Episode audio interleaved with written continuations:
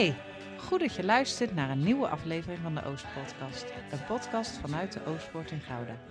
Ook dit derde seizoen spreken Onno en René met gemeenteleden en andere betrokkenen. Zij verbinden, prikkelen, lachen en gaan een kritische noot niet uit de weg. Het gesprek gaat over persoonlijkheid, achtergrond, het alledaagse en over geloven in alle seizoenen van het leven.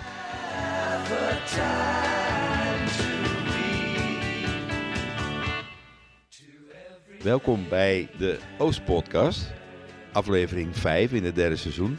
Het thema vandaag is rijkdom als maatschappelijk probleem. We gaan in gesprek met gemeentelid en politiek filosoof Dick Timmer over dit onderwerp. En de roep om een rijkdomsgrens. Hij vindt het vreemd dat we wel een armoedegrens kennen en daar ook op acteren, omdat het niet wenselijk is dat mensen onder de armoedegrens leven, maar dat we geen rijkdomsgrens kennen, terwijl het misschien wel net zo problematisch is als mensen daarboven leven. Hij geeft ons een inkijkje in zijn onderzoek. Uh, we zullen het hebben over rijkdomsgrens, waarom zou dat nodig zijn en kunnen we iets met de inzichten voor ons eigen leven en de kerk. Vanwege de kerk en ons eigen leven en de rol die de Bijbel daarin speelt, uh, schuift Gerbe ook aan in dit gesprek uh, en geeft vooral inzicht in de Bijbelse perspectieven. En René, daar gaan we het nog meer over hebben. Limitarisme. Een woord wat Word niet eens kent. Macht van geld. Hoeveel waarde heeft het leven? En het jubeljaar. Kortom, Genoeg reden om een glas champagne vanavond caviar neer te zetten. onder het kleedje te gaan zitten Beentjes omhoog. en lekker naar deze podcast te luisteren. Veel luisterplezier. We gaan het hebben over rijkdomsgrens en eh, waarom zou dat nodig zijn. En kunnen we iets met de inzichten voor ons eigen leven en eh, de kerk? Dick, Gerbe, welkom. Dank je. Dankjewel. Leuk dat jullie er zijn. Interessant onderwerp, eh, René. Zeker. Dick, je hebt meerdere artikelen geschreven over rijkdom. En over een limiet aan rijkdom. Het is eigenlijk goed dat je hier zit, want je had eigenlijk bij op één eh, moeten zitten. maar fijn dat je hier voor je kon zijn. Eh, je zit hier ook naar aanleiding van je onderzoek ehm, over dus die rijkdomsgrens. Vertel eens, vertel eens wat over je onderzoek. Wat heb je onderzocht? Ja, kunnen mensen te rijk zijn? Ehm, ik heb ehm, samen met een groep in, in Utrecht onderzoek gedaan naar die vraag. Dus zou er een grens moeten zijn aan hoeveel geld en dan eigenlijk vermogen? Dus het gaat niet zozeer over inkomen, maar om, om vermogen. Kunnen mensen te veel vermogen hebben? Dus om een beetje perspectief te geven, in Nederland is volgens het CBS, dus het Centraal Bureau van de Statistiek, die zegt dat ongeveer 25% van het private vermogen in handen is van de rijkste 1% huishoudens. Ehm, als je dat In Nederland. In Nederland. Dus dat is ongekend groot. Als je dat vergelijkt met, met andere eh, vergelijkbare economieën, dan is de Nederlandse vermogensongelijkheid enorm. Dus Amerika is koploper, verder weg. Dat gaan we voorlopig ook niet inhalen. Uh, maar in andere landen is die, is die vermogensongelijkheid veel kleiner. En de vraag is dan, is dat een probleem? Moeten we daar iets mee? Uh, hoe zouden we daarover na moeten denken? En, En dat is binnen, binnen mijn vakgebied, de politieke filosofie, een belangrijke vraag. Met name uh, nadat Thomas Piketty met een boek kwam over vermogensongelijkheid. Die eigenlijk, die zei, die groeit. Dat was de belangrijkste, belangrijkste claim.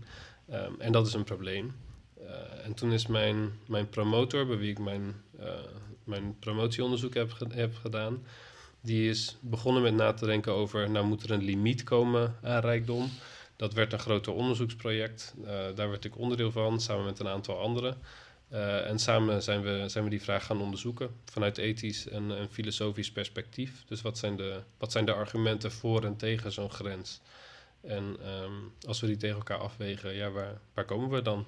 En, en, en wat is het antwoord? Dan komen we bij uh, dat er inderdaad heel goede argumenten zijn voor zo'n rijkdomsgrens. Dus wat we hebben geprobeerd is een aantal um, ja, breed gedeelde waarden te onderzoeken. Dus bijvoorbeeld democratische gelijkheid en kansengelijkheid. Um, het idee dat de, de kwetsbaren in de samenleving moet beschermen. Um, en dat publieke voorzieningen, zoals het onderwijs, de gezondheidszorg, uh, nee, de woningmarkt tegenwoordig ook, dat die voor hen uh, toegankelijk zijn. Um, en we kijken naar grote, wat worden genoemd, collectieve actieproblemen. Dus dat zijn grote maatschappelijke vraagstukken waarbij het niet zo is dat één iemand aan de knoppen draait, maar waarbij heel veel partijen samen moeten werken om tot een oplossing te komen. En waar vaak heel veel geld voor nodig is. En in ons geval is denk ik in onze tijd klimaatverandering daar het grootste voorbeeld van. Dus hoe ga je om met klimaatverandering? Hoe pas je je als samenleving aan aan een veranderend klimaat? Ook hoe pas je je als wereld aan aan een veranderend klimaat?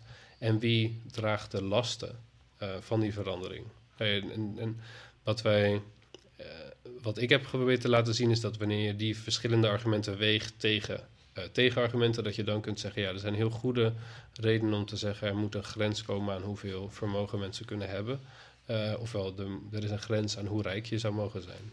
En hoe wordt zo'n grens bepaald? Heb jij die al bepaald? Ik heb die niet bepaald. Dus we hebben, of ik niet, maar Ingrid Robijns, um, samen met een aantal collega's in Utrecht, die heeft een eerste opinieonderzoek gedaan waarin uh, Nederlanders werd gevraagd of er zo'n grens is. Um, en lang vooral kort, die grens is er. Um, wanneer, wat eruit kwam is dat wanneer een, een uh, mensen of een huishouden meer dan 2,2 miljoen bezit, dat ze dan meer bezitten dan nodig is om een goed leven te leiden. Uh, en dat het hebben van meer geld, volgens deze peiling, volgens dit onderzoek, niet meer iets toevoegt aan, aan hoe goed mensen kunnen leven, aan hun toegang tot, tot, tot wat waardevol en belangrijk is. Um, wat uit datzelfde onderzoek kwam, was dat, dat, niet per se, dat mensen niet per se zeggen: Nou, dan moeten we dat geld daarboven maar wegbelasten. Dus het is genoeg, maar niet te veel. Uh, maar op het moment dat je afwegingen moet maken, dus dat je bijvoorbeeld moet zeggen: we gaan of zwaarder belasten, we gaan die hoge vermogens zwaarder belasten, of we gaan bezuinigen op publieke voorzieningen, dat dat echt het kantelpunt is waarop een heel grote meerderheid um, zegt: nee, dan, gaan we, dan zouden we wat zouden moeten doen vanuit ethisch oogpunt um, is zwaarder belasten. En dat, is, en dat is een eerste voorzet. Dus ik, ik zelf heb geprobeerd te laten zien dat nadenken over een rijkdomsgrens, wat natuurlijk heel erg moeilijk is. Want wanneer is iemand te rijk, dat is toch voor iemand, iedereen anders. Het voor lijkt de me ook dat, niet uh, een heel populair onderwerp waar mensen... Het is een heel populair onderwerp, maar het is uh, niet zo dat mensen daar, um, daar allemaal handenklappend voor in de rij Ik gaan wou net staan. zeggen, hoe, is, hoe groot is het applaus wat je krijgt? Soms wel groot uh, en soms ook niet. Maar ik denk dat, dat, je, dat het eigenlijk niet zo heel erg veel uitmaakt wat jij denkt over hoe een rechtvaardige samenleving eruit uh, ziet. Ik denk dat het heel erg moeilijk is en dat je retorisch gezien heel erg lenig moet zijn, moet zijn om bijvoorbeeld die 25% vermogen bij de rijkste 1% huishoudens, uh, om zoiets te kunnen rechtvaardigen. Dus die, die ongelijkheid is zo groot dat of je nu gelooft dat verdiensten moet worden beloond of dat je gelooft dat um, ongelijkheid ten, in het voordeel moet zijn van de minst bedeelden. Of dat je gelooft dat mensen vrij zijn en dat vrijheid het belangrijkste ideaal is. Ik denk dat je uit al die verschillende perspectieven wel kunt concluderen dat die, dat die enorme vermogensongelijkheid die wij hebben, dat die problematisch is. Um, wat voor wat- rijkdomsgrens vond- daaraan zou hangen, kan natuurlijk verschillen. Maar Maar vonden de mensen dan die in dat meededen in dat opinie, vonden die dan ook dat er een grens moest komen? Als die, of is die vraag niet gesteld? Um, nou, dus op het moment, dus het, het is, ik denk vanuit maatschappelijk oogpunt is de vraag hoe, hoe is vermogen verdeeld, is een verdelingsvraag. En, en, en je kunt, het is natuurlijk een beetje lastig omdat wanneer je zwaarder belast, dan kan het zijn dat mensen minder productief zijn, dus er komt er minder, minder geld binnen voor de schatkist. En dan is er minder te herverdelen. Uh, dus je hebt met allerlei ingewikkelde effecten te maken. Maar in principe is vermogen op een bepaalde manier verdeeld. En wat uit het onderzoek naar voren komt, is dat omdat er dus een punt is waarop mensen zeggen: uh, hierboven voegt het hebben van meer vermogen of meer geld uh, niet meer iets toe aan iemands leven. Dat dat het punt is waarop mensen die, die verdelingsvraag dus echt anders gaan beantwoorden. En dan dus zeggen: ja, um, moeten we dat toestaan? Nee. In plaats daarvan moeten we herverdelen. Dus omzien naar de kwetsbaren, uh, investeren in publieke voorzieningen. Ja, maar hoe krijg je die normen als kansengelijkheid, gerechtigheid, redmeesterschap vertaald naar ons als burgers? Ja, dat is een, dat is een heel erg in de, in de politieke filosofie een soort de, de vraag. Um, en dus, in de en economie. En in de economie ook. Oké, dus wat, wat, wat we denk ik vaak vergeten is dat, het, dat deze vraag onontkoombaar is. Dus het is wel eens zo dat je dan een voorstelt van een, uh, van een rijkdomsgrens. We, we hebben bijvoorbeeld ook uh, discussies gehad over de erfbelasting. Die moet denk ik veel hoger zijn. Uh, zeker grote erfenissen zouden we heel zwaar moeten belasten.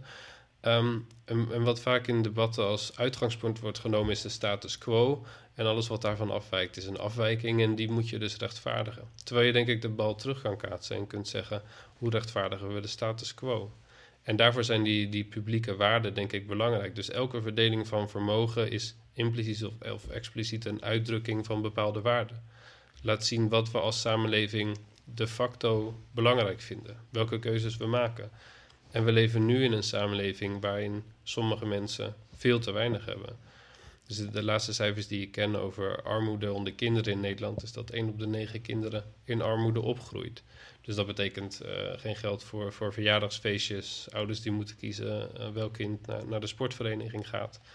Um, en tegelijkertijd groeit de, het vermogen van de quote 500 elk jaar, uh, ook tijdens de pandemie. De Nederlandse economie is, als ik het goed begrepen heb, tijdens de pandemie en de recessie ook gewoon gegroeid. Ja. Um, alleen dat vermogen is niet bij de, uh, bij de minst bedeelden terecht. Nee, wat jij zegt, wat je nu ziet bij mensen met echt veel vermogen, is dat het belastingstelsel harder voor hen werkt dan zij zelf doen. Ja, en dus hard werken wordt niet beloond. Hard werken wordt niet beloond. Nee, en dat is vaak interessant, omdat op het moment dat het gaat over een rijkdomsgrens, is vaak het argument: ja, hou je dan niet de prikkel weg om productief te zijn? Uh, of of ja, moet je verdiensten niet belonen? Is ondernemerschap niet belangrijk? Terwijl juist omdat uh, grote vermogens zo weinig belast worden. En juist omdat inkomen zo zwaar belast wordt, haal je de, inderdaad de prikkel weg, maar niet aan de vermogenskant. Maar voor jou is dan bijvoorbeeld, ik geef 50% van mijn miljardaire vermogen weg, is niet, zeg je dat is niet genoeg? Ik denk dat op het moment dat je heel erg veel geld hebt, dan is het belangrijk om daar goed mee om te gaan. Want ik, ik, verwijs nu even naar, natuurlijk naar dat convenant, wat is getekend in Amerika door die verschillende grote organisaties. Maar ook bijvoorbeeld onlangs uh, een kledingmerk wat heeft besloten, de, de eigenaar in ieder geval, uh, groot miljardair, alle winsten moeten verplicht ja. toegekend worden naar klimaatoplossingen uh, en dergelijke. Die, die prikkel, dat is ook niet meer aanwezig. Dan, dat kan dan ook niet meer. Dus dat zijn denk ik inspirerende voorbeelden. En ook voor mij.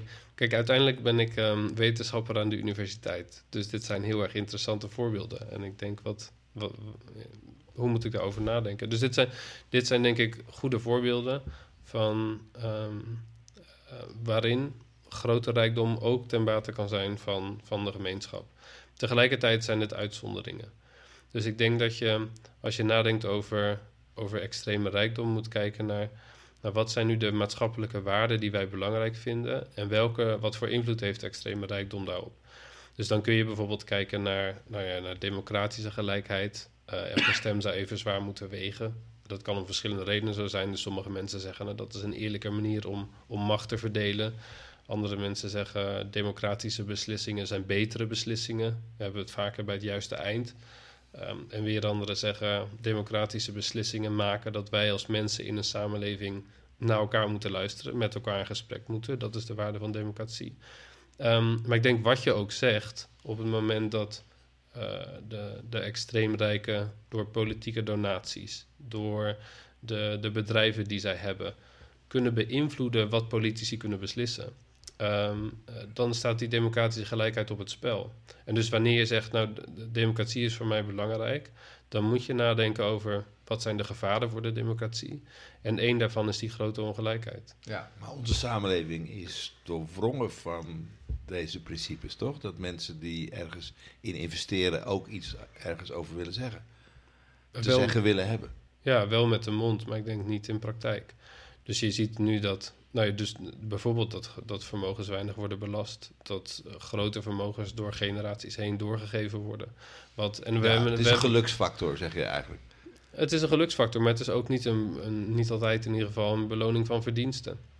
En de, de, de, denk de heel, een heel belangrijke vraag is, zelfs als we zeggen dat we verdiensten willen belonen, wat voor implicaties zou dat hebben? Dus als we, als we bijvoorbeeld zeggen dat het aantal uur dat je werkt, dat dat zou moeten bepalen hoeveel je hebt of bezit. Of Um, dan moet je kijken naar mensen in, in de schoonmaak met twee banen. Die maken heel erg veel uur. Um, er zijn vermogenden die dat niet doen. Is dat dan, is dat dan relevant? Uh, als je kijkt naar, naar we moeten verdiensten belonen, hoe ga je dan inderdaad om met erfenissen? Hoe ga je om met, met geld waar je niet voor hebt gewerkt? Uh, hoe ga je om met winst uit kapitaal? Wat, wat, wat als het ware aankomt waaien, waar geen arbeidsuren van jou in zitten.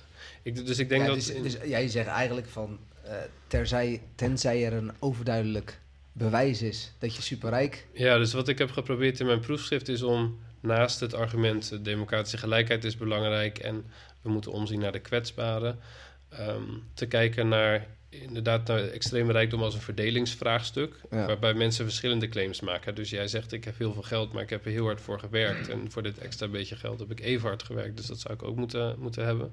En iemand anders die zegt de zorg is voor mij onbetaalbaar. Ehm, en dan, dan moet je, dat is een verdelingsvraagstuk waarin je een afweging moet maken. En ik denk dat er een punt is waarboven het hebben, het kunnen claimen van meer geld gewoon niet meer opweegt tegen de claims die andere mensen maken. Dus zelfs als je zou zeggen, eh, er, is geen er is geen grens aan hoeveel je zeg maar, nodig zou kunnen hebben. Dus eh, zelfs als je zegt, elke euro die je extra zou kunnen hebben, die voegt iets toe aan jouw leven. Eh, Dus, dus dat, je, je kunt altijd nog wat gelukkiger zijn. Eh, dan nog kun je denk ik vanuit maatschappelijk oogpunt zeggen, oké, ehm, dat is inderdaad een reden om jou toe te staan meer te hebben. Maar er zijn ook heel veel mensen met andere heel zwaarwegende redenen. Om eh, mensen die baat hebben bij herverdeling. Ehm, en die wegen op een bepaald punt gewoon zwaarder. Hun, hun, hun roep, hun claim weegt zwaarder dan de jouwe. En dat is waarom we ehm, het geld wat je hebt herverdelen. Ik kan me voorstellen dat je best wat tegenargumenten hebt gekregen. Ja, Wat- bijna, wat is niet- nou- bijna niet eigenlijk.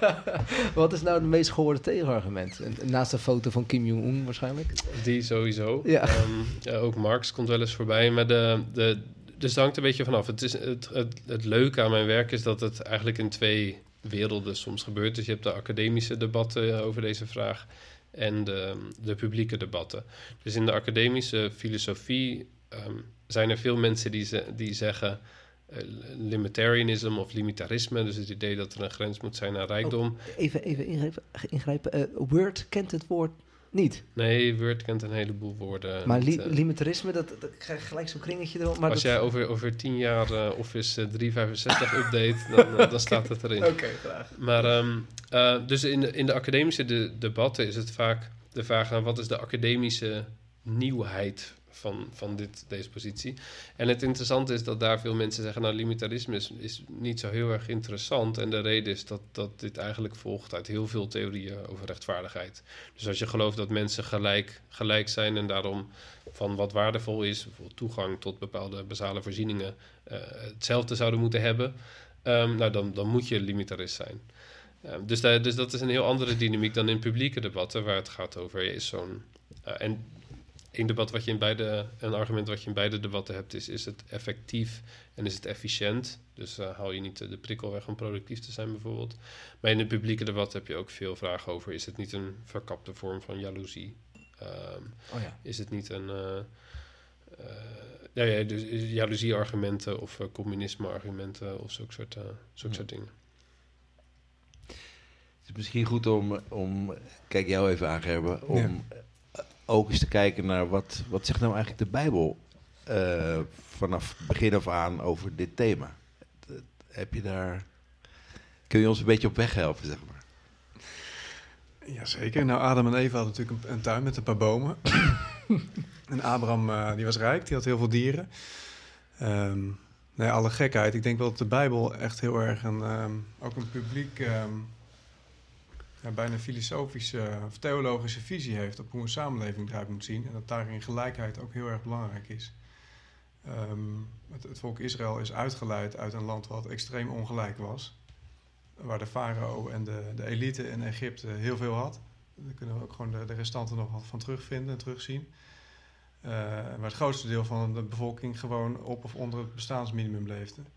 En Israël wordt natuurlijk uitgeleid om in stammen verdeeld, in families verdeeld, allemaal op een eigen stukje grond te leven. Ehm, zodat iedereen een stuk vermogen had eh, waar die mee kon werken. Hm.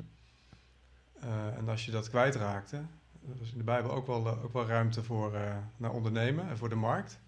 Dus dingen groeiden, groeiden scheef, zeg maar. Mensen werden heel erg rijk en mensen werden heel erg arm. En dan was natuurlijk het principe van het jubeljaar, waarin de dingen weer werden rechtgetrokken. Ja. Eh, in hoeverre dat in de praktijk echt is uitgevoerd, dat is de vraag. Maar ehm, daar hebben we weinig bewijzen van. Hm. In ieder geval is dat wel altijd het doel geweest. Ja. Ehm, ja. En als je dat Ik, nou ik zit me ook af te vragen in onze samenleving in hoeverre we gewoon niet gewend zijn dat het gewoon zo is dat er extreem rijke mensen zijn. Als ik me goed verdiep in de informatie en ik hoor dik praten, dan denk, dan denk ik ook van, het is ook bizar dat eh 1% of 10% van, eh, van de mensen echt eh, een heel groot deel van het vermogen heeft.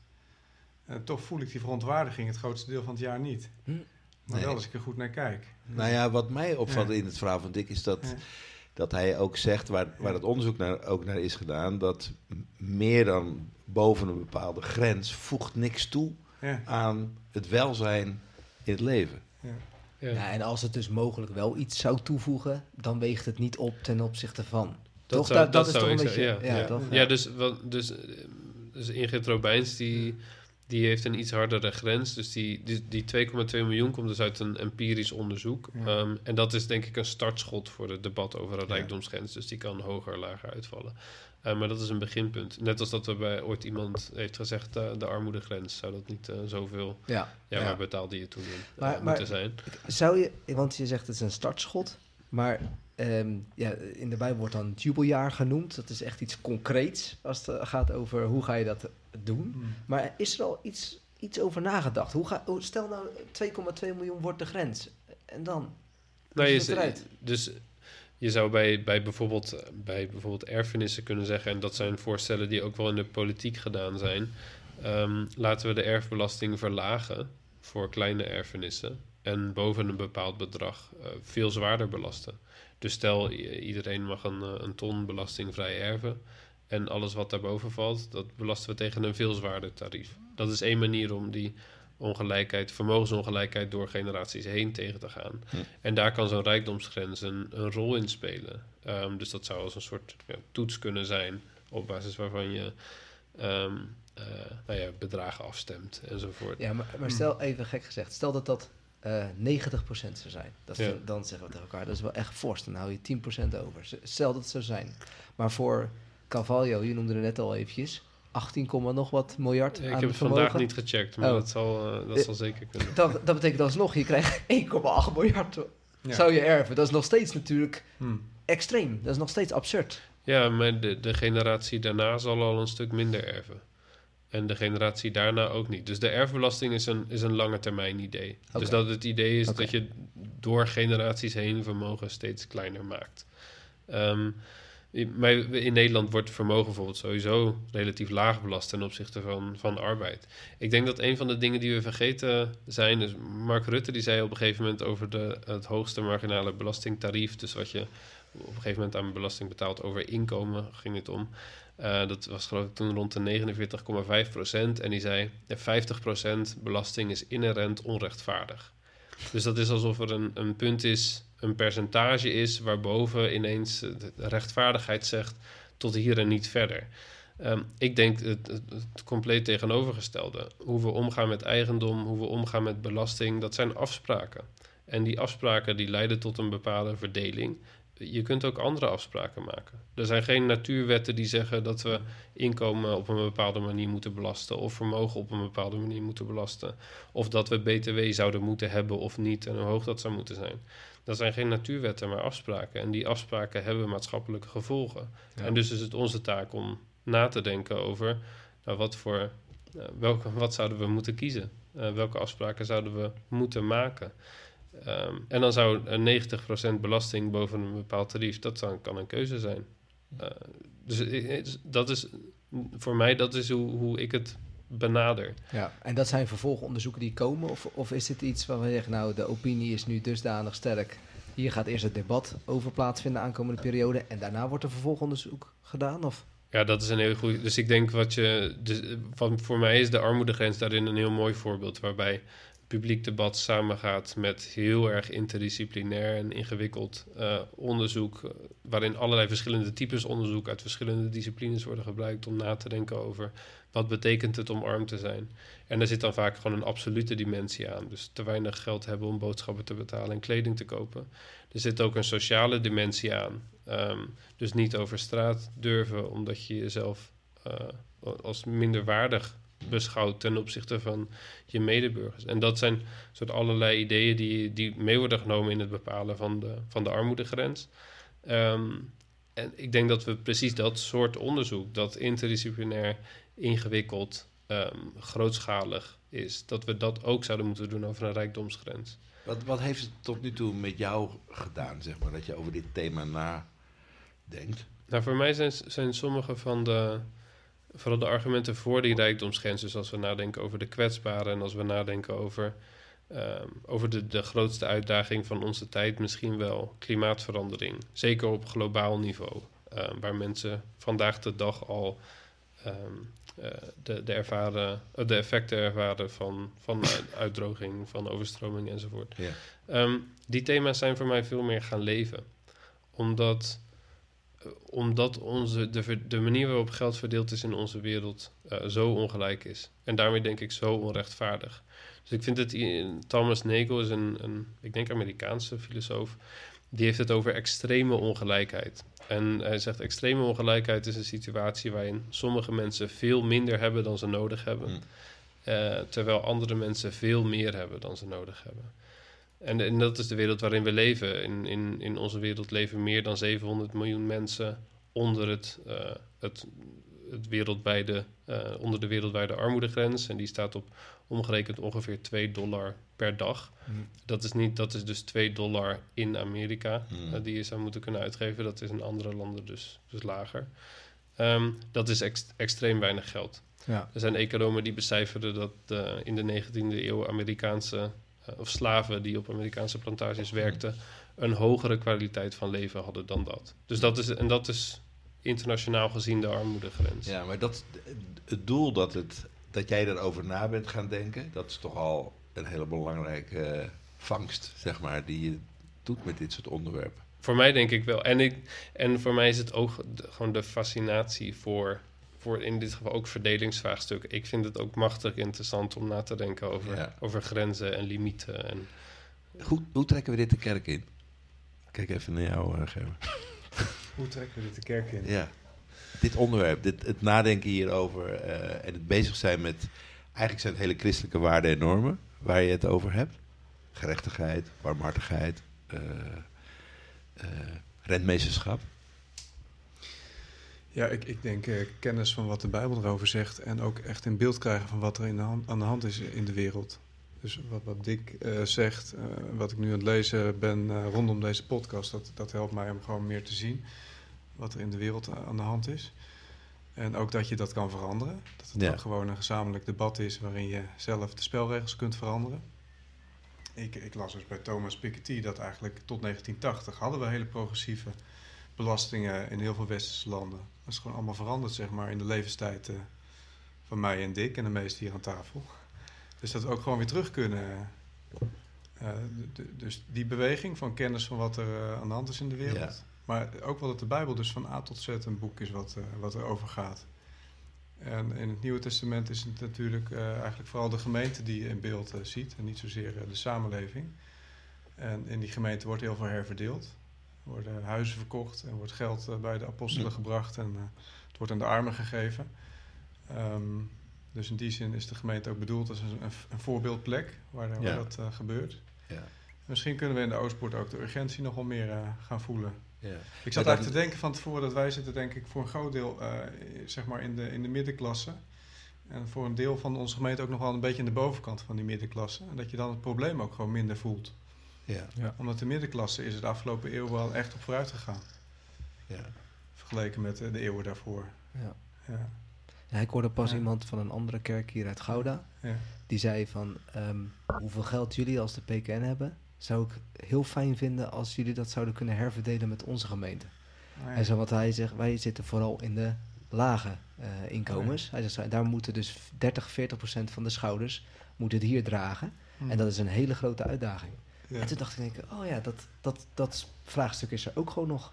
Ook gewoon inderdaad qua type mensen die binnen je gemeente zijn. En ook eh, zich daar fijn voelen. Daar, Ja. daar hebben we natuurlijk ook gewoon iets mee te maken. En waar ik ook nog aan zat te denken, het woord hebzucht. Ja. Want ik kan me ook voorstellen, dit, daarom is dit onderwerp misschien ook helemaal niet zo heel populair. Ehm, het, het is natuurlijk ook gewoon een, in- een, ja, een aardse, intrinsieke, maar ook gewoon voor onszelf motivatie. Die, die, dat geld is gewoon ook echt iets van een drive die je kan, die geactiveerd kan worden. Dus hoe tem je dat een beetje, Dick? door zwaarder te belasten. Gewoon Dus, let, ja. Nou, kijk, we hebben het. Dus de, vaak worden de voorbeelden genoemd van, van self-made miljonairs. Dan gaat het over Bill Gates en eh, Mhm. Steve Jobs en Elon Musk. En het is altijd hetzelfde rijtje. Hm. Ehm, ik vraag me af wie van die mensen had ge- gezegd toen, eh, toen die eh, Windows of Microsoft begon, of eh, Bezos, toen die met Amazon begon. Van ik, ik verkoop nu wel pakketjes, maar als ik daar geen miljardair mee kan worden, dan, dan ben ik volgende week ga ik iets anders doen. Ik denk niet dat hij dat had gezegd. Mhm. Dus ik denk niet dat. ik- zeker is geld een drijfveer. Ehm, eh, sommige economen zullen zeggen een hele goede zelfs. Dat kan een prikkel zijn om, om productief te zijn. Maar het is geen het is geen regel dat je daar zo rijk mee moet worden. Toen ik begon met mijn onderzoek, gaf ik een lezing ehm, in, in Amsterdam. En toen was Jeff Bezos de rijkste mens op aarde. En die had op dat moment 110 miljard. En dat schommelde dan een beetje door de dag heen tussen de 116 en de 110. Dus daar maakte ik een grapje over. Ehm, ongeveer een jaar later haal- werd Elon Musk de eerste persoon die de 300 miljard grens doorbrak. Dat was in oktober 2021, geloof ik. En dat eh, dat verschil is dus tijdens mijn promotie is dat gebeurd. Dus dat is bijna 200 miljard is Elon Musk in die periode rijker geworden. Nou, dat heeft niets te maken met prikkels of Hey, met nog, een, verdiensten. nog een leuk eh, rekenfeitje die ik in jouw artikel had gelezen is... eh, vanaf Christus gezien, dat, kan je die even Ik, ik heb vrienden die zeggen dat ik dat voorbeeld niet meer mag gebruiken. Oh, ik heb... Omdat ik hem te vaak heb gebruikt. Nou nee, voor deze podcast nog één keer. Ja, maar dan moet ik, dus, ik moet de cijfers dan Het, even was vier, terugzien. het is 4 ton. 4 ton per dag. Per ja, dag. ja, dan is het dus om, eh, om even rijk te worden als Elon Musk toen op zijn hoogtepunt. Dan moet je meer dan, eh, dan 4 ton per dag verdienen sinds Vanaf- de dag dat Jezus geboren is. Vanaf de Ja. geboorte van Christus. En dan reken ik eh, ruim, geloof ik. Dus je kunt, eh, zoals, zelfs als Jezus in min 20 geboren is, dan, eh, Ja. dan gaat het sommetje nog op. Ja. Ja. dus natuurlijk, dat zijn echt... Dat is een waanzinnige hoeveelheid geld. Maar dat laat dus ook zien dat als het gaat om deze vermogens, dat ons normale idee over verdiensten en hard werken niet, de- hele verklaring is. In een ander artikel, dat vond ik een... Dat de winterse offers voor elders en later. Ik- Dat is een artikel dat gaat echt wel meer over ons, denk ik. Dat ging over crisissen en hoe we daarmee omgaan. En dat we eigenlijk ook best wel weinig toekomst, dus visie eigenlijk voor onze eigen gedrag eigenlijk een soort van kunnen verwerken. Vooral het hier en nu lijkt heel erg belangrijk. Wat ik daar wel gaaf aan vond eh, en ook vind, en dat is dat je je soort van eh, dat je gevoel een soort van uitsluit. Ja. Dat is eigenlijk hoe je, eh, kan je daar iets over toelichten? Vond ik wel echt heel interessant. Nou, wat in de, in, de, in de filosofie een van de beroemdste gedachte-experimenten eigenlijk is, is van- komt van Pieter Singer. En die, die zegt, stel je voor dat je, je loopt over straat en je hebt nie- net nieuwe schoenen gekocht. En die zitten lekker en die zijn mooi en ze waren ook duur. Ehm, en je ziet een kind verdrinken. Eh, en je weet, ik kan dat kind rennen, maar dan worden wel mijn schoenen vies. En, en misschien onherstelbaar vies. Eh, wat doe je dan? En Singer zegt, nou, in dat geval is dat hartstikke duidelijk. Nee, je, je springt in de vijver, je redt het kind. Dat is niet, eh, dit is geen ethisch dilemma. Wat hij zegt is dat dat is hier en nu. Dat is hier en nu denken. Hier en nu is het duidelijk wat we, wat we moeten doen. En wat hij vervolgens zegt is dat, nou waarom is dit zo duidelijk? Dat is omdat die schoenen niet zo heel erg belangrijk zijn. Eh, schoenen zijn, zijn schoenen, je koopt wel een paar nieuwe. Eh, hij zegt datzelfde principe moet je toepassen wanneer kinderen aan de andere kant van de wereld verdrinken. Dus als we nadenken over die extreme armoede, die 700 miljoen mensen die, die onder het, eh, echt het absolute bestaansminimum leven. Eh, Singer zegt, we moeten niet alleen naar hier en nu kijken, maar ook naar elders en later. En in dit geval dus elders. Dus we moeten, we moeten herverdelen. En het argument daarvoor is heel simpel. Alleen wij zitten niet zo in elkaar. Wij denken dat het redden van een kind in een vijver om de hoek, dat dat een ander geval is dan het, het bieden van hulp aan mensen ver weg. En Singers belangrijkste bijdrage aan dat debat, denk ik, is eh, dat onze intuïtie soms gewoon ernaast zit. ja. Dat we, we hebben het gewoon bij het verkeerde eind. We zijn psychologisch niet in staat om, om over onze schaduw te stappen. Ehm, maar dat zouden we moeten doen. Dat is wat. Maar wat hoe is het nou mogelijk, als ik naar dit verhaal luister, dat vanuit dat stukje realisme, eh, zeg maar eh, de natuur, het lot van arme landen, eh, dat soort dingen, we niet zeg maar de vertaalslag kunnen maken naar hoe we daarmee omgaan met elkaar. Ik denk voor een deel ehm, eh, ethische armoede. We zijn vergeten om, om in, in ethische, in termen van waarde na te denken over de wereld om ons heen. Dus om de natuur niet alleen te zien als een product, eh, als, een, als een stuk zee waar je vis uit kan halen en waar je olie uit de grond kunt halen, eh, maar als iets dat waarde heeft. En alles wat geen waarde heeft, hoef je niet mee te nemen in de, in de calculus. Dus heel platgeslagen is wat, eh, wat denk ik in onze wereld waardevol is, is ervoor zorgen dat we gelukkig worden. Waarbij gelukkig worden vooral betekent dat je krijgt wat je wilt. En hoeveel je kunt krijgen van wat je wilt, hangt af van hoeveel geld je hebt. Ja. En dan sla je alles plat en dan hoef je alleen maar aan hier en nu te denken. Nou ja, in je artikelen gaat het ook over het florerende leven en het goede leven. Ik weet niet of het- dat zijn de termen van Robijns, Ja. eh, volgens mij. Maar hoe zou je dat dan uitleggen? En ik ben ook wel benieuwd hoe, dat dan, hoe- we dat ook kunnen vertalen naar meer de Bijbelse terminologie. Dat maar is- even jou. eh.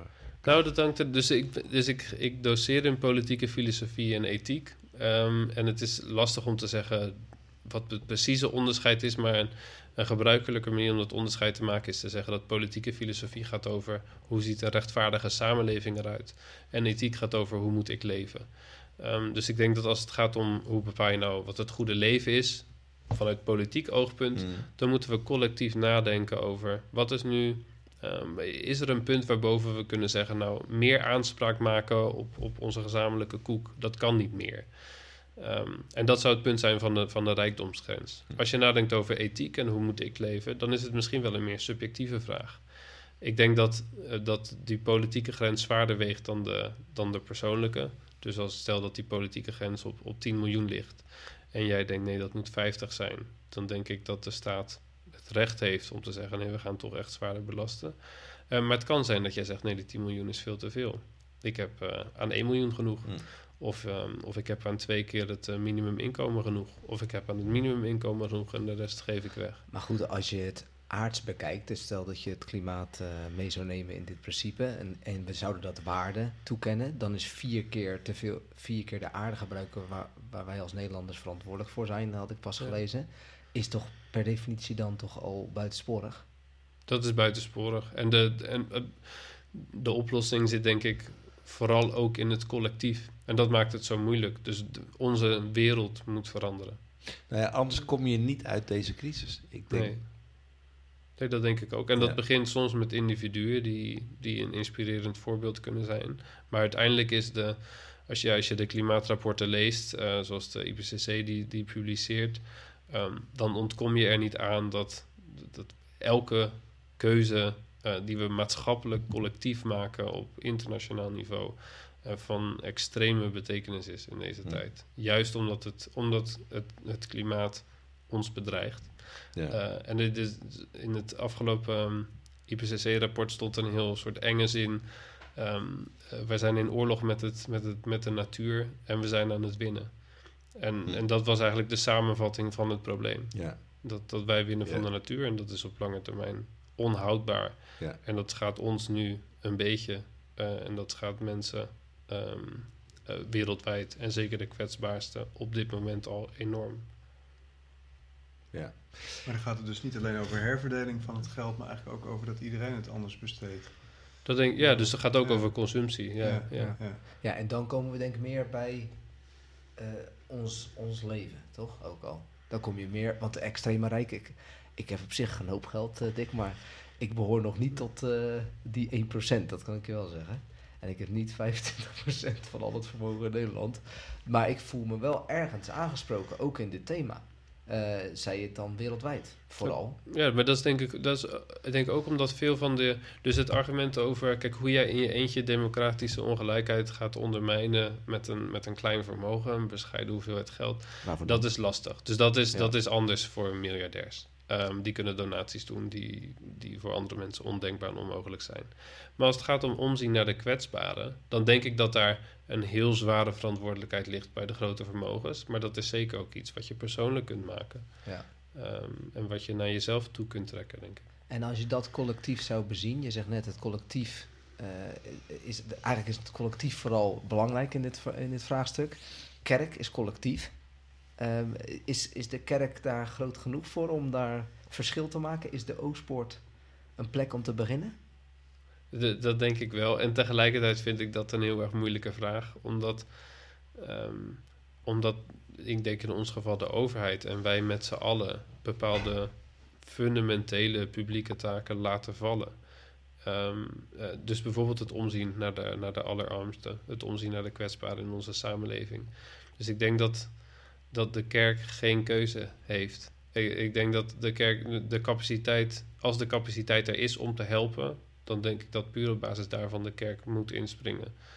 Ehm, Eh, dus dat is denk ik de rol die de kerk heeft. En tegelijkertijd is dat denk ik tragisch, omdat dat eh, mensen afhankelijk maakt van instituties waar ze weinig tot geen invloed op hebben. Hm. En dat is denk ik.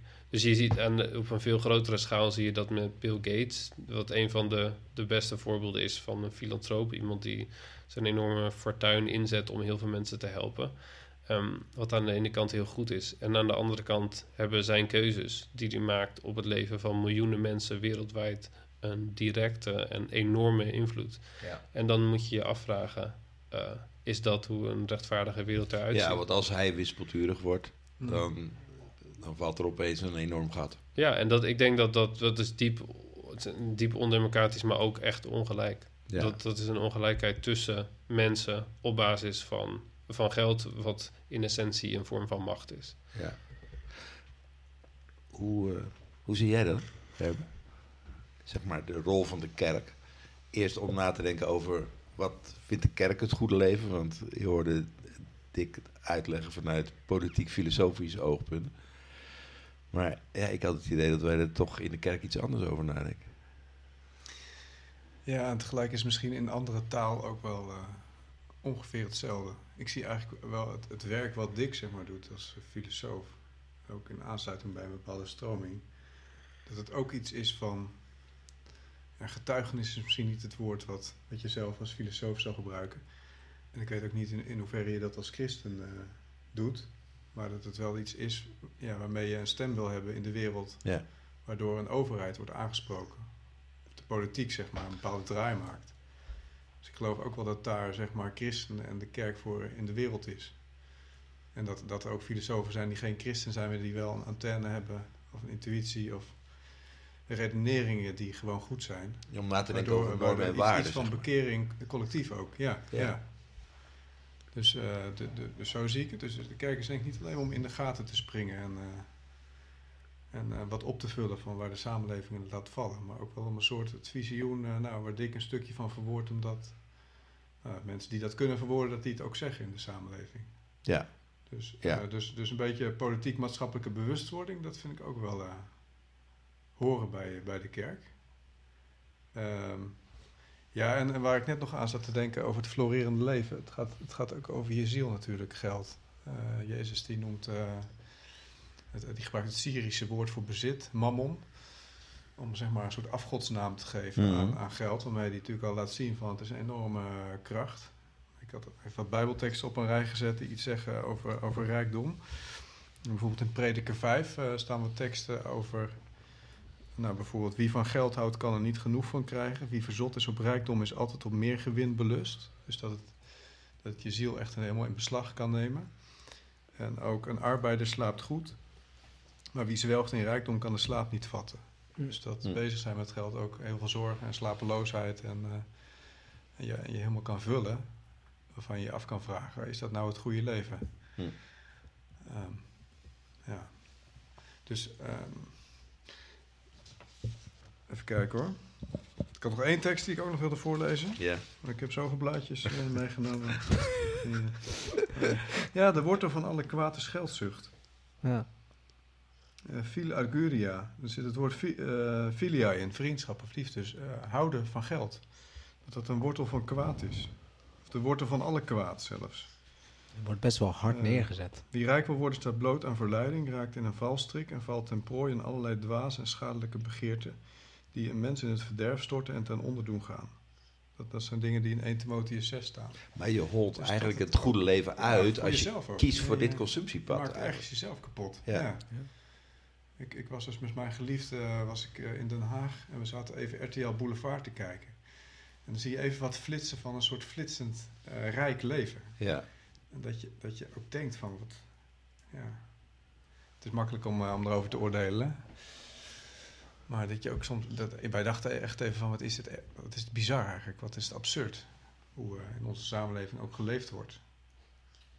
Door mensen die, die genoeg hebben en veel hebben. Ja. Ja. En dat, Ja. en dat, ja. nou, ik ben ook wel benieuwd. Aarzel je? Nou, Is ik het weet, het is ook buitenkant. Het is ook, Ja. je zit een soort naar een fake wereld te kijken ook, Ja. heb ik wel eens het idee. Dan. Ja. Dan ben ik niet een hele grote RTL Boulevard eh, watcher, maar Nou, Ja, geld is natuurlijk ook een middel. Dus als je heel veel met geld en spullen bezig bent, wordt ook denk ik een buitenkant eh, leven. Ja, En dat, dat is ook weer anders dan de Bijbelse tijden. Want in het Oude Testament kon je, eh, hoeveel producten kon je kopen? Er was niet zo heel veel om te hebben. En wij, wij zien voortdurend allerlei producten langskomen. Ja. ja. Mijn telefoon liep pas nog snel leeg, dus ik heb een nieuwe gekocht. Dus geen Fairphone. En, nou ja, vind ik op zich niet heel erg voor mezelf, maar het is zo makkelijk. eh, ik, ik denk, ja, ik wil eigenlijk nog veel kritischer zijn met mezelf. Nou, het grappige is, wij hadden pas, Ja. ik had pas met iemand anders een discussie, en volgens mij Ja. ook met jou, Onno. Met mij? Ja, als ging, ja, sorry. Over, eh. Dat ging over hoe bewust maken we nou eigenlijk keuzes. En ik heb het idee dat dat heel zo bewust eigenlijk niet is. Want als je ziet hoeveel er eigenlijk op je afkomt door marketing en ja, de ene reclame gaat over maak een keuze voor het klimaat. Je kan beter hierin investeren. En de volgende reclame is vervolgens eh, over Sunweb die een verschrikkelijk mooie vakantie. eh, wij leven vakantie, wij zijn vakantie. Denk, het is continu een soort van tweestrijd. En bij het ene krijg je misschien een wat minder fijn gevoel en bij het andere wat goed gevoel. En toen hoorde ik zelfs in een onderzoek dat wanneer er min 50% staat, dus ergens bij een artikel staat min 50%, dan maakt ons lichaam dopamine aan. Dat betekent dus het gelukshormoon. Ja. Dat betekent dus hoe zwaar het dus weegt. Hè? Dus we zijn, ja, ergens ons hele zijn is ook gericht op meer. En, en ja, het is echt Ja, dat een is uitdaging. Die reclamefuik van twee, twee halen, één betalen of zo. Terwijl je eigenlijk helemaal geen twee... eh 1 plus 1 gratis. Ja, één nee, gratis. Dat, is, dat dat helemaal niet nodig hebt. Nee. Maar dan kom je toch met een hele tas met eh, dat soort producten Ja, jij, thuis. nee. Ja, dus het gaat natuurlijk over de vraag waar word je nou echt gelukkig van? En Die mag denk ik in de, in de kerk ook gesteld worden. Ja, Dus want je wilt, je wilt natuurlijk niet alleen maar negatief praten over van wat is het allemaal oppervlakkig en eh, we leven ook in een wereld met spullen en er zijn ook mooie spullen bij. Eh, Ja. zo is het. Maar, Maar ja. wordt het dan de genoegvraag? Is dat, is dat dan het gevolg daarvan? Ja, ook wel. Wat, wat- is dan echt florerend leven? Ja. Ja. En is, wanneer is Ja. genoeg genoeg? Ja. En dat vragen die we elkaar dan moeten stellen? Of, of is dat te, komt dat te dichtbij? Ik heb het idee dat dit ook wel een vrij individualistisch onderwerp kan zijn. Eentje waar je niet echt met, heel snel met iemand over spreekt.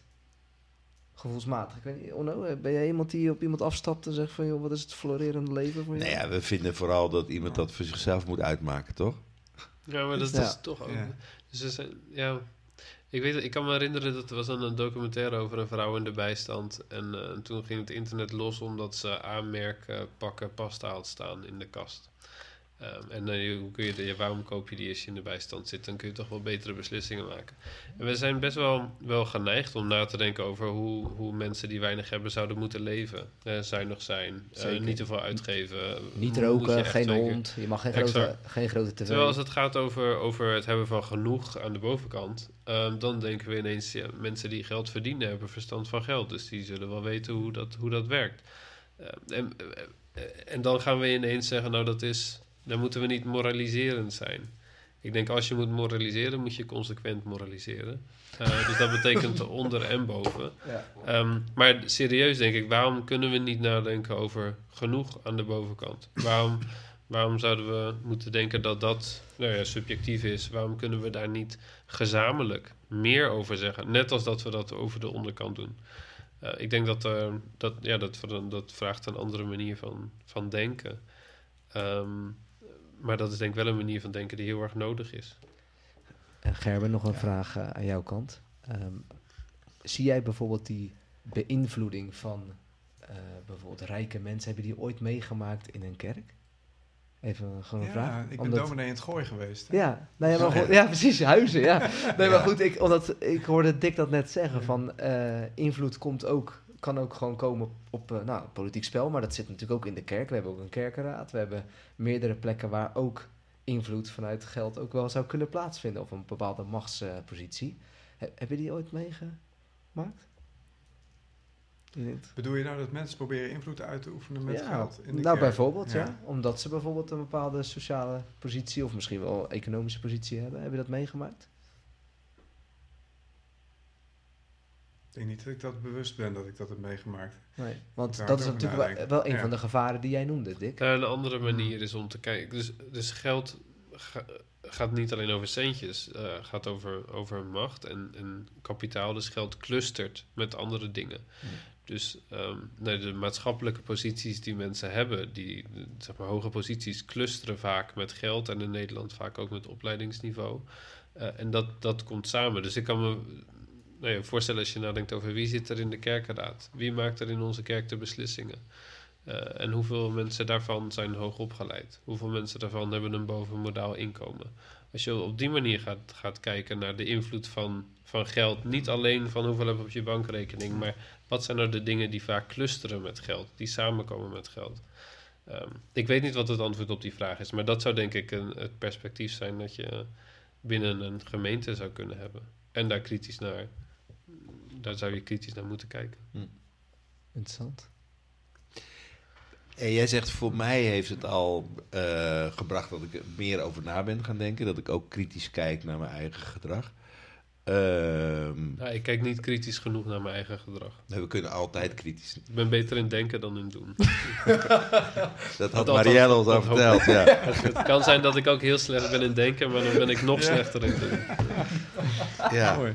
Ja. Maar de, de thema's die vanuit de kerk en die ook in dit gesprek eh, spelen, waar eh, eh, begeren, eh, liefde, dat is toch een vorm van gunnen, eh, navolging.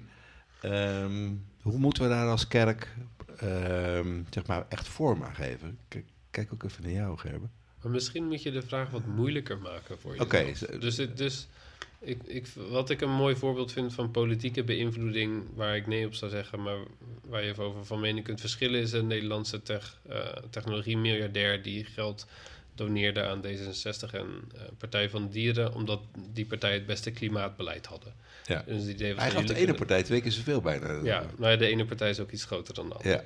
Maar, en dan, dus waarom is dat een, denk ik een goed voorbeeld? Omdat dat iemand is die geld geeft, voor in mijn geval een zaak waar ik achter sta. Ehm, die gebruikt dus zijn geld op een goede manier. En tegelijkertijd zet het bepaalde waarden onder, onder druk. Eh, en dan is het denk ik, zeker vanuit een soort filosofisch oogpunt, is er dan nog een, is er nog een, een gat in, dit, in deze handeling te schieten.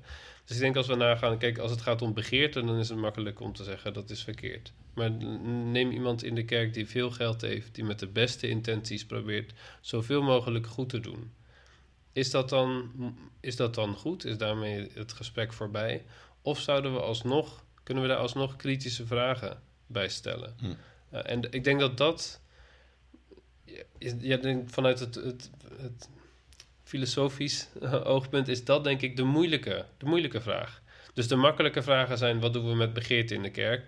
Althans, de, de- het antwoord op is makkelijk, want dat, dat moeten we niet willen. Nee, en hoe ik- gaan we dat doen? Ik dat wil, is graag, ingewikkeld. ik wil het altijd graag vertalen in positief. Niet wat je niet moet doen, maar vooral wat je wel moet doen. Want iets niet doen, dat lukt toch niet. Dus als je meer je focus legt op iets wat je wel wil doen... en iets wat je ook omdat het je wat oplevert uiteindelijk... dan zijn de stappen veel makkelijker te maken. Ja, Ja, daar moet je maar eens over nadenken. Nou, Dick. toch- Ja. Nou, maar we hadden het net over die, over die, die reclames. Dus wat bijvoorbeeld in de, in de klimaatdiscussie heel lang eh, het idee geweest was, was scheid je afval. En dat is belangrijk voor het klimaat en vooral voor het milieu. Ehm, dus wat mensen deden is het afval scheiden en dan naar Mallorca op vakantie. Als je kijkt naar de impact op het klimaat, dan is dat peanuts versus, ja, wat is, wat is een heel grote peanut? Eh, een zwerfkei. Ehm, eh, terwijl dat zijn mensen die heel veel bezig zijn met, met goed doen en tegelijkertijd om- vergeten dat ze dingen niet moeten doen. Dus ik, ik, het is een, Ja, denk ja, ik een, een, een- ja. ja, dus ju- juist door ja, de, dus te focussen op wat kan ik doen. En zo, je kunt dus heel veel bezig zijn met maatschappelijke thema's en tegelijkertijd het olifant in de kamer niet zien. Dus misschien, eh, ja, ik denk we- dat we meer dingen niet moeten doen. Meer dingen niet moeten doen. De- Eh, de- dingen moeten laten. ja. Zeker dingen of laten. nou ja, laten we-. Dus, dus positief geformuleerd, ik denk dat we op zoek moeten naar manieren om ons leven een waarde en invulling te geven die geen soort, eh, die niet een zware belasting Maar daar zijn. zijn voor we het helemaal met elkaar eens volgens mij. Ja, dus dat betekent dan niet vliegen voor vakanties. En, Ja. Nou, wat is het geluid wat de kerk dan moet laten horen? Het Gelijk ook, een kerk, dru- eh, ook een druk, hè? ja. Kerk nee, moet. Ja. Nou ja, wat mooi zou zijn als, eh, als welk geluid van de kerk vandaan zou komen. Nou ja, wat Dick zegt en dan een, een verhaal erbij. Dat het ook met recht te maken heeft. Ja, Het blijft toch nog een beetje in de sfeer soms van... nou, we moeten goed doen of het, het hoort erbij. Of, terwijl de Bijbel zegt ook, het heeft met de recht doen te maken. Ja. En ik vind die term Ja. waarde ook mooi. Ja. Wel. Dat dingen waarde hebben. Ja, Ja. dat heeft natuurlijk Ja. ook te maken met dat je dingen recht doet. Ja. Ja. Dat dingen kostbaar zijn, dat de schepping kostbaar is. Ja. Ja. Ja, de kerk kan heel veel verschillende dingen doen. Het gaat natuurlijk om een fundamenteel eh, verhaal, zeg maar. Of wat Jezus tegen ons zegt. We kunnen ook hele concrete dingen doen. Misschien kan de kerk nog wel veel meer een herverdelingsplek worden. Hm. Maar ik heb daar niet goed zicht op hoeveel er wordt gegeven en hoe er wordt herverdeeld. Ik weet er natuurlijk wel iets van, maar... Ook omdat het beeld is wel een beetje ontstaan bij mij ook het afgelopen jaar. We hebben best wel een rijke kerk eigenlijk. Nou, ik, ik denk het ook. En, en, ja, daar is met z'n allen over na te denken van. Hoeveel geven we dan echt? Ja. En, dat, en dat, dat, dat- dat kun je in een diaconaalfonds stoppen waar je misschien nog meer mee kan doen. Maar ehm, je kunt ook denken aan... Er zijn heel veel groepen in de samenleving die nauwelijks worden bereikt door de kerk. Zou je daar geld in willen steken? Ja. De Oostpoort is ook ontstaan als een nieuwe kerkplek waar eh, rijke mensen ook eh, geld in hebben gestopt. Ja. Dus kan zo'n beweging nog een keer herhaald worden? Dat is wel een vraag die mij ook wel bezighoudt. Ja, en soms ook wel heel. eh, de, de, de kerk heeft ook ergens een harde boodschap van. eh, we zijn met niks in de wereld gezet en we gaan met niks weg.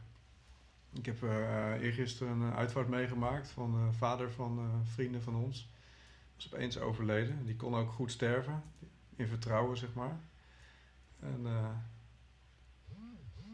het is natuurlijk wel hard. het, we gaan dood en we kunnen niks meenemen of zo. Ja. Soms, soms maak ik het ook wel heel praktisch en klein of zo. Van we kunnen een beetje meer dit of een beetje dat. Maar ik denk dat God soms ook wel een beetje hard, eh, ons een beetje hard aanspreekt. Van jongens, eh, wat, Maar- wat, hecht je je ziel aan de materie of zo? Wat wil je een hoop spullen hebben? Dus dat, Ja. dat een beetje die, die harde woorden van Jezus van je kunt de hele wereld winnen, maar je ziel, ziel verliezen. Dat we dat ook in zijn hart uit soms wel eens eventjes mogen laten doordringen in onze ziel of zo. Ja, ik, Ja. nou daar... Nou ja, ik zeg van alles op een Ja, rij. ja, is- ja, ja. Ja, nee, wel goed, maar ik, ik, ik, Ja. het- ik, ik, Ja. las eh, Lucas 16 en Ja. toen het voorbeeld van eh, Lazarus en de jonge rijke man, rij- rijke jongman, jonge rijke man. De rijke jongeling. Ja. Rijke jongeling, Ja, die, ja. eh, En, en het bijzondere is dat, Ja. dat, ehm, dat dus dan op een gegeven moment dan zitten ze in de helft, tenminste dat is een beetje de spiegeling Oh, die- die er wordt, ge- wordt gemaakt. ja. En dan zegt, hij, zegt Abraham terug: Jij hebt jouw deel, het goede deel gehad Ja. in jouw leven. En toen dacht, dat heeft me wel ook echt wel getriggerd. Toen dacht ik: van ja, wat het goede deel. Het is gewoon echt het leven. Het, het, het, het, het, eh, leven zoals, nou ja, goed, misschien ook wel in onze tijd ook wij zelf soms kunnen uitleven. dus het gewoon Mm. het groots leven. En waar aan de ene kant ook weer niet per se dat we continu met een vlagje, dit is fout, goed, fout, goed, dat niet. Maar aan de andere kant ook wel weer dat we toch ergens ehm, elkaar wel kunnen Ja. bevragen. Van hé, wat, wat doen we met ons leven? Zijn wij nu Ja. echt alleen met onszelf bezig? Hebben we nog oog voor die Lazarus die je ziet? Ja. Ehm, eh, wie gun jou, jij ook het goede leven? Dat heeft ook met gunnen te maken wat dat betreft. Ook het florerende leven voor die ander. Dat vind ik echt wel interessant. En dat, dat vind ik gaaf aan jouw onderzoek. Dat heeft het vooral bij mij getriggerd. Ik zag net ook een beetje de verbazing bij Gerben. Dat hij eigenlijk zei van, eh, zo, eh, even nieuwe, nieuw perspectief van, wereldperspectief wat ook even binnenkomt, hè, wat je zei. Over die armoede en die vermogensverdeling, dat dat zo scheef is. En dat, dat wakkert dit ook wel een beetje bij mij aan. Ik weet niet of ik dat, ja, straks praat ik Ja. voor, je, voor, je, voor, voor jou, maar dat wil ik niet doen. Maar Nou ja. dat is een beetje hoe dat ook kan zijn. Dat je denkt in één keer van, wow, het is echt wel ehm, zo scheef. Het is echt scheef. Ja, het is echt scheef. Eh, Thomas Piketty heb ik eventjes gelezen eh, in Den Haag. Eventjes. Even, En- dat is een Nee, nee, hij heeft een mooie samenvatting. Een kleine Oké. geschiedenis van oké. gelijkheid. Oh, oké. En dan krijg je echt een heel mooi perspectief over hoe dat de laatste eeuw is gegaan. Ja. Dus, dus daar was ik even van... eh, Dat heb je ook. een stuk, Oh, dat heb eh, je eh, eh, deze dagen gelezen in Den Haag. Wil je dat zo zeggen? ja, ik Of dacht, is dat laat- al laat ik het nu ja- maar lezen nu, nu met, met, met Dick en Ja. Ja, ja, ja. Ja. Mooi. Nee. Nou goed, geeft wel Maar- goed beeld. Ja, dus Ja. dat zou ik iedereen aanraden. Ja. Maar- Samenvatting ja, van Maar jij Thomas was bezig met je samenvatting. eh. Nee hoor, nee helemaal niet. Ik, Oh. ik rond hem voor mezelf ook een beetje af. Ja. Dus eh, Ja. het was een, ja, Nou, even ik denk dat het, dat het gesprek zo meer dingen heeft losgemaakt en opgeroepen dan dat we nu allerlei antwoorden geven. Maar dat hoort ook een beetje bij Dat de we- politieke filosofie. Dat denk ik mij. wel, ja. Ja, ja. Uiteindelijk is de vraag soms interessanter dan het antwoord. Al is het antwoord wel urgent. zeker, ja. Maar die, die bewustwording die bij jou ontstaan is, zeg maar, ehm, die voel ik zelf ook wel een beetje. Nou, zeker. Ja. En ik denk als dat meer gaat gebeuren, dan hebben we daar al heel veel eh, winst bij.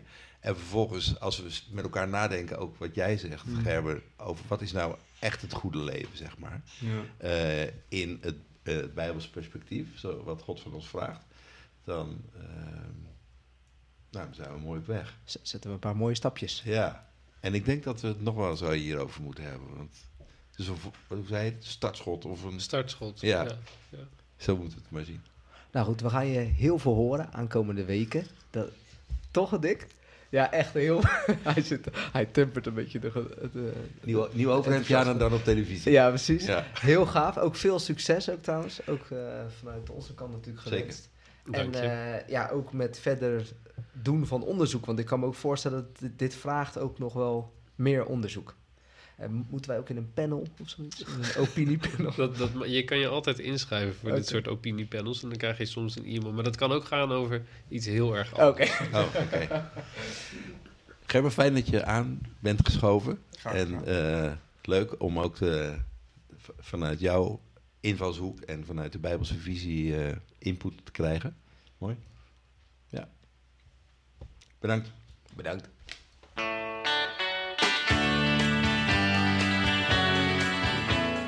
Bedankt voor het luisteren naar deze aflevering. Hopelijk ben je geïnspireerd, bemoedigd of is simpelweg je reis een stuk sneller gegaan. Heb je een vraag, opmerking of wil je iets delen naar aanleiding van dit gesprek? Geef het dan door aan Onno en René. Spreek ze aan of laat een berichtje achter in de Oostsport-app. Vinden ze leuk? Deze podcast is gemaakt door Onno Kastelein en René Rijn met technische en contentondersteuning van Lisa Bos, Bob Luursema en mijzelf, Marjolein Ouwerkerk.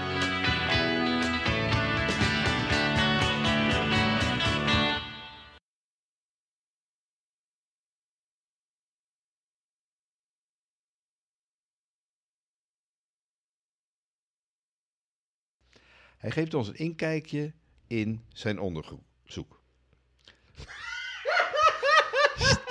Stop. Kijk eens.